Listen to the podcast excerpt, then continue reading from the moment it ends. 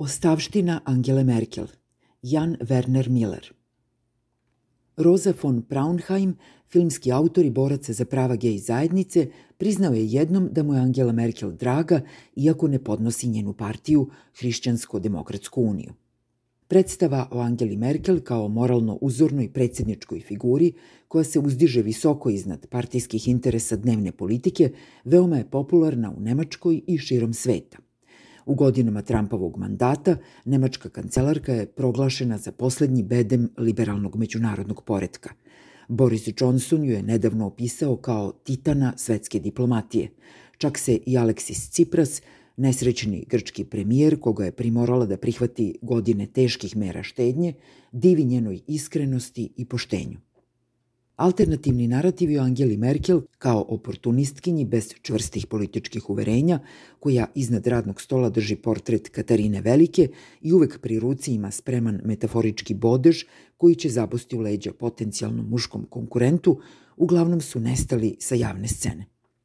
To su i onako bile seksističke besmislice, ali hvalospevi navodno poslednjoj pristojnoj liderskoj figuri na planeti zvuče previše dobro da bi bili istiniti. Istina je da joj je pošlo za rukom da u nekoliko odsudnih trenutaka održi na okupu sobstvenu partiju, više velikih koalicija, pa i samu Evropsku uniju.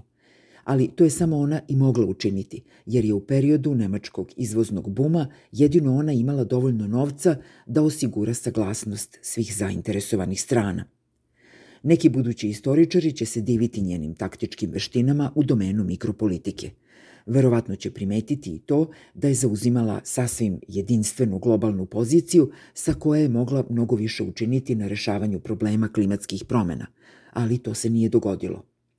Dok prva nemačka kancelarka odlazi u istoriju, Merkelolozi vredno odgonetaju šta se krije iza njenog osobenog stila upravljanja. Uvek na oprezu, orijentisana na konsenzus, pragmatična.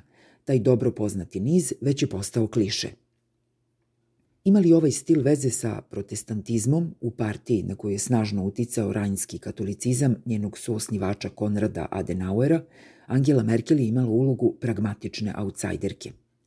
Da li je to obrazovanje u oblasti prirodnih nauka koje je od nje načinilo logičnog protivnika svetskih lidera koji odbacuju nauku, naročito jednog američkog predsednika – ili je sve najlakše objasniti odrastanjem u istočnoj Nemačkoj, gde je naučila da nikome olako ne veruje i da ne govori previše. Istina je zapravo mnogo banalnija. Ne treba zaboraviti da se i Angela Merkel jednom usudila da prihvati odvažnu političku viziju i to je zamalo stajalo političke karijere – Bilo je to 2005. kada je vodila predizbornu kampanju na neoliberalnoj platformi, zalažući se za linearno oporezivanje, smanjivanje socijalnih davanja i još fleksibilnije tržište rada. Njen protiv kandidat, Gerhard Schroeder, bio je veoma nepopularan u tom trenutku. Uprkos tome, zamalo nije izgubila izbore.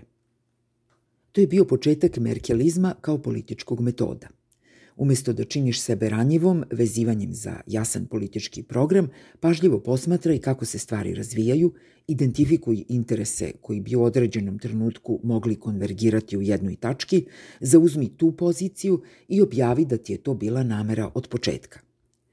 Nekada davno želela je da postane nemačka Margaret Thatcher, umeđu vremenu je odlučila da svima postane sve – Na primer, nije krila zadovoljstvo kada su je na Harvardu proglasili za veliku liberalnu promoterku jednakih prava na brak, iako je pre toga u Bundestagu glasala protiv prava na brak osoba istog pola.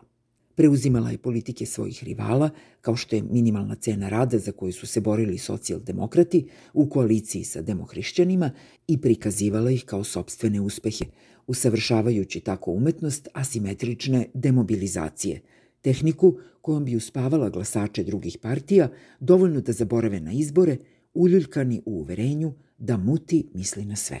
Takav ekumenski pristup bio je donekle olakšan neočekivanim doprinosom samog Gerharda Schredera, koji je u potrazi za sobstvenom verzijom trećeg puta implementirao nepopularne, kritičari bi rekli surove, politike na tržištu rada i tako stvorio veliki sektor slabo plaćene radne snage.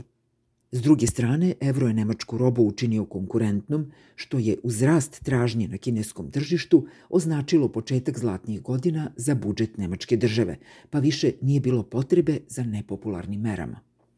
Angela Merkel nikada nije svojevoljno ulazila u političke rizike.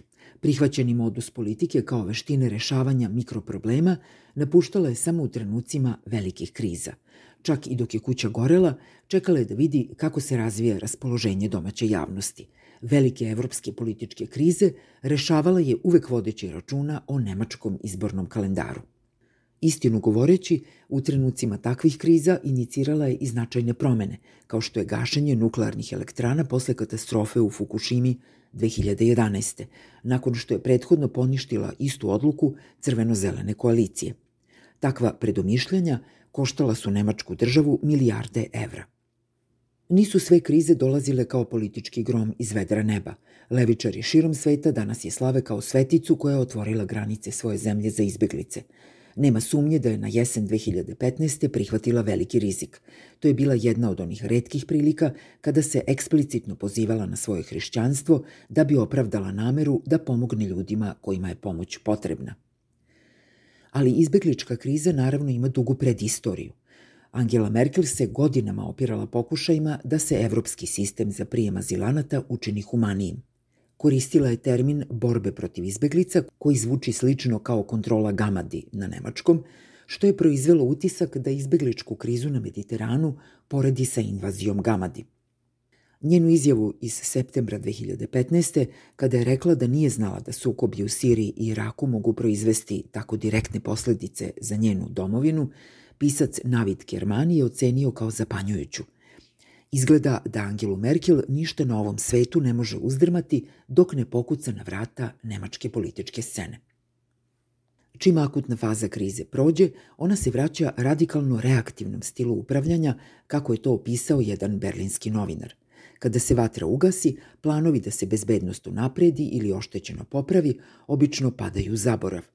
Odluka o napuštanju nuklearne energije vrlo brzo je potonula u administrativni haos.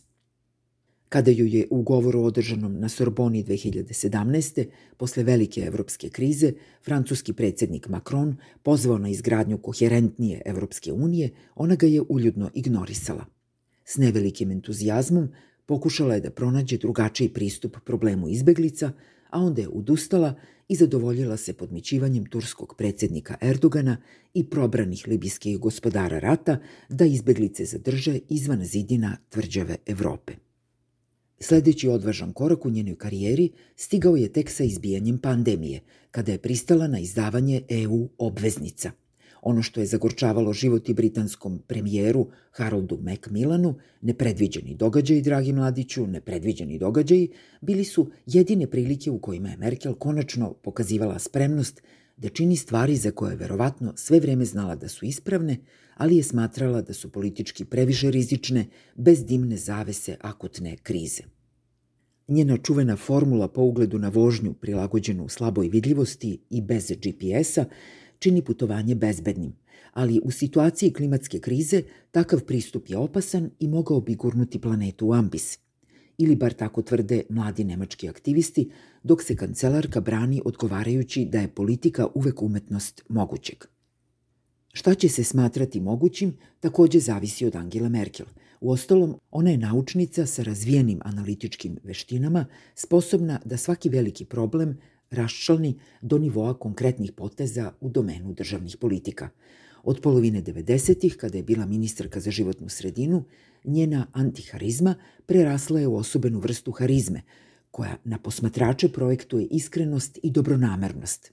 Uporedivo sa efektom koji na neke ljude ima mlada švedska aktivistkinja Greta Thunberg – Angela Merkel je bila u jedinstvenoj prilici da mobiliše nemačku i svetsku javnost, ali je nije iskoristila. Pokazalo se da se problemom klimatskih promena ne može upravljati sa zadnjeg sedišta. Ograničenja merkelizma mogla su se uočiti i za vreme pandemije. Uobičajeni narativ o njoj kao osobi koja racionalno rešava probleme iskorišćen je na proleće 2020. da se objasni zašto je Nemačka relativno dobro prošla u prvom talasu. Pre nego što je stigla zima, njeno uobičajeno insistiranje na konsenzusu dovelo je do fatalnih kašnjenja. Celonoćni pregovori sa liderima pokrajina pretvorili su se u karikaturu EU samita. Političari crvenih očiju objavljivali su postignute sporazume koje su njihove kolegije odmah potom odbacivale iako su ih prethodno navodno prihvatili. Nastali su haos i konfuzija.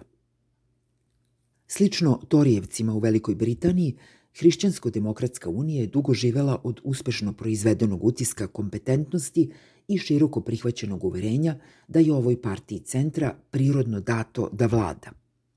Upravljanje pandemijom narušilo je takav imidž. Dugi meseci zatvaranja ostavili su nemačkim građanima dovoljno vremena da razmisle o tome koliko su zaostali u razvoju infrastrukture, obrazovanju i praktično svemu što ima veze sa internetom. Opsednute budžetskim bilansima, vlade koje je predvodila Merkel jednostavno nisu ulagale u javna dobra. Često se tvrdi da se prihvatanjem merkelizma Hrišćansko-demokratska unija pretvorila u intelektualno praznu ljušturu. Ali pitanje je da li je bilo gde na svetu bilo ko uspeo da formuliše novu viziju hrišćanske demokratije za 21. vek. To je jedan od razloga zašto brojne partije desnog centra, kao što je Narodna partija Sebastijana Kurca, inspiraciju traže u idejama radikalne desnice.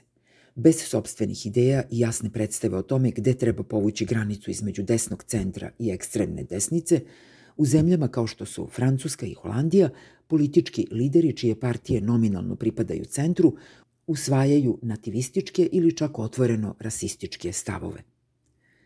Angela Merkel je u tom pogledu bila mnogo uzdržanija i to joj ide u prilog. Pre deseta godina, kada su takve izjave bile u modi, nekoliko puta izjavila da je multikulturalizam doživeo potpuni neuspeh. Ali sa svojom tipičnom uzdržanošću odbacila je bestseller iz 2010. koji je nemačke građane plašio najavama muslimanske invazije rečima beskorisna knjiga. S druge strane, njene reči i stavovi morali su biti mnogo oštriji kada su u pitanju radikalni desničarski populisti u drugim zemljama. Pristala je da zadrži Viktora Orbana u Evropskoj narodnoj partiji, nad nacionalnoj asocijaciji demohrišćanskih partija i partija desnog centra, uprkos tome što on ruši demokratiju u Mađarskoj. Razlog je to što je nemačka industrija, naročito moćna automobilska industrija, u Budimpešti dugo imala poseban tretman – Bila je glasnije u kritikama na račun Vladimira Putina. Kada je prvi put otputovala u Peking 2006. preporučila je domaćinima više otvorenosti i slobode. Godinu dana kasnije pozvala je u posetu Dalaj Lamu. Ali kako je zavisnost Nemačke od kineskog tržišta rasla, nemačka vlada imala sve manje primetbi na ponašanje Kine. Jedna od njenih poslednjih inicijativa bio je investicioni sporazum između Evropske unije i Kine u kome se ljudska prava gotovo i ne pominju.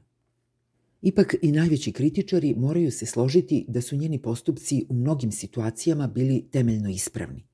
Obožavaoci često naglašavaju da je potpuno imuna na korupciju i zaista teško je zamisliti je kako prima novac od lobista ili naplaćuje javne nastupe – S druge strane, činjenica da se takva vrsta uzdržanosti prihvata kao dokaz moralne superiornosti jasno govori o tome koliko nisko su se srozala naša očekivanja od današnjih političkih lidera.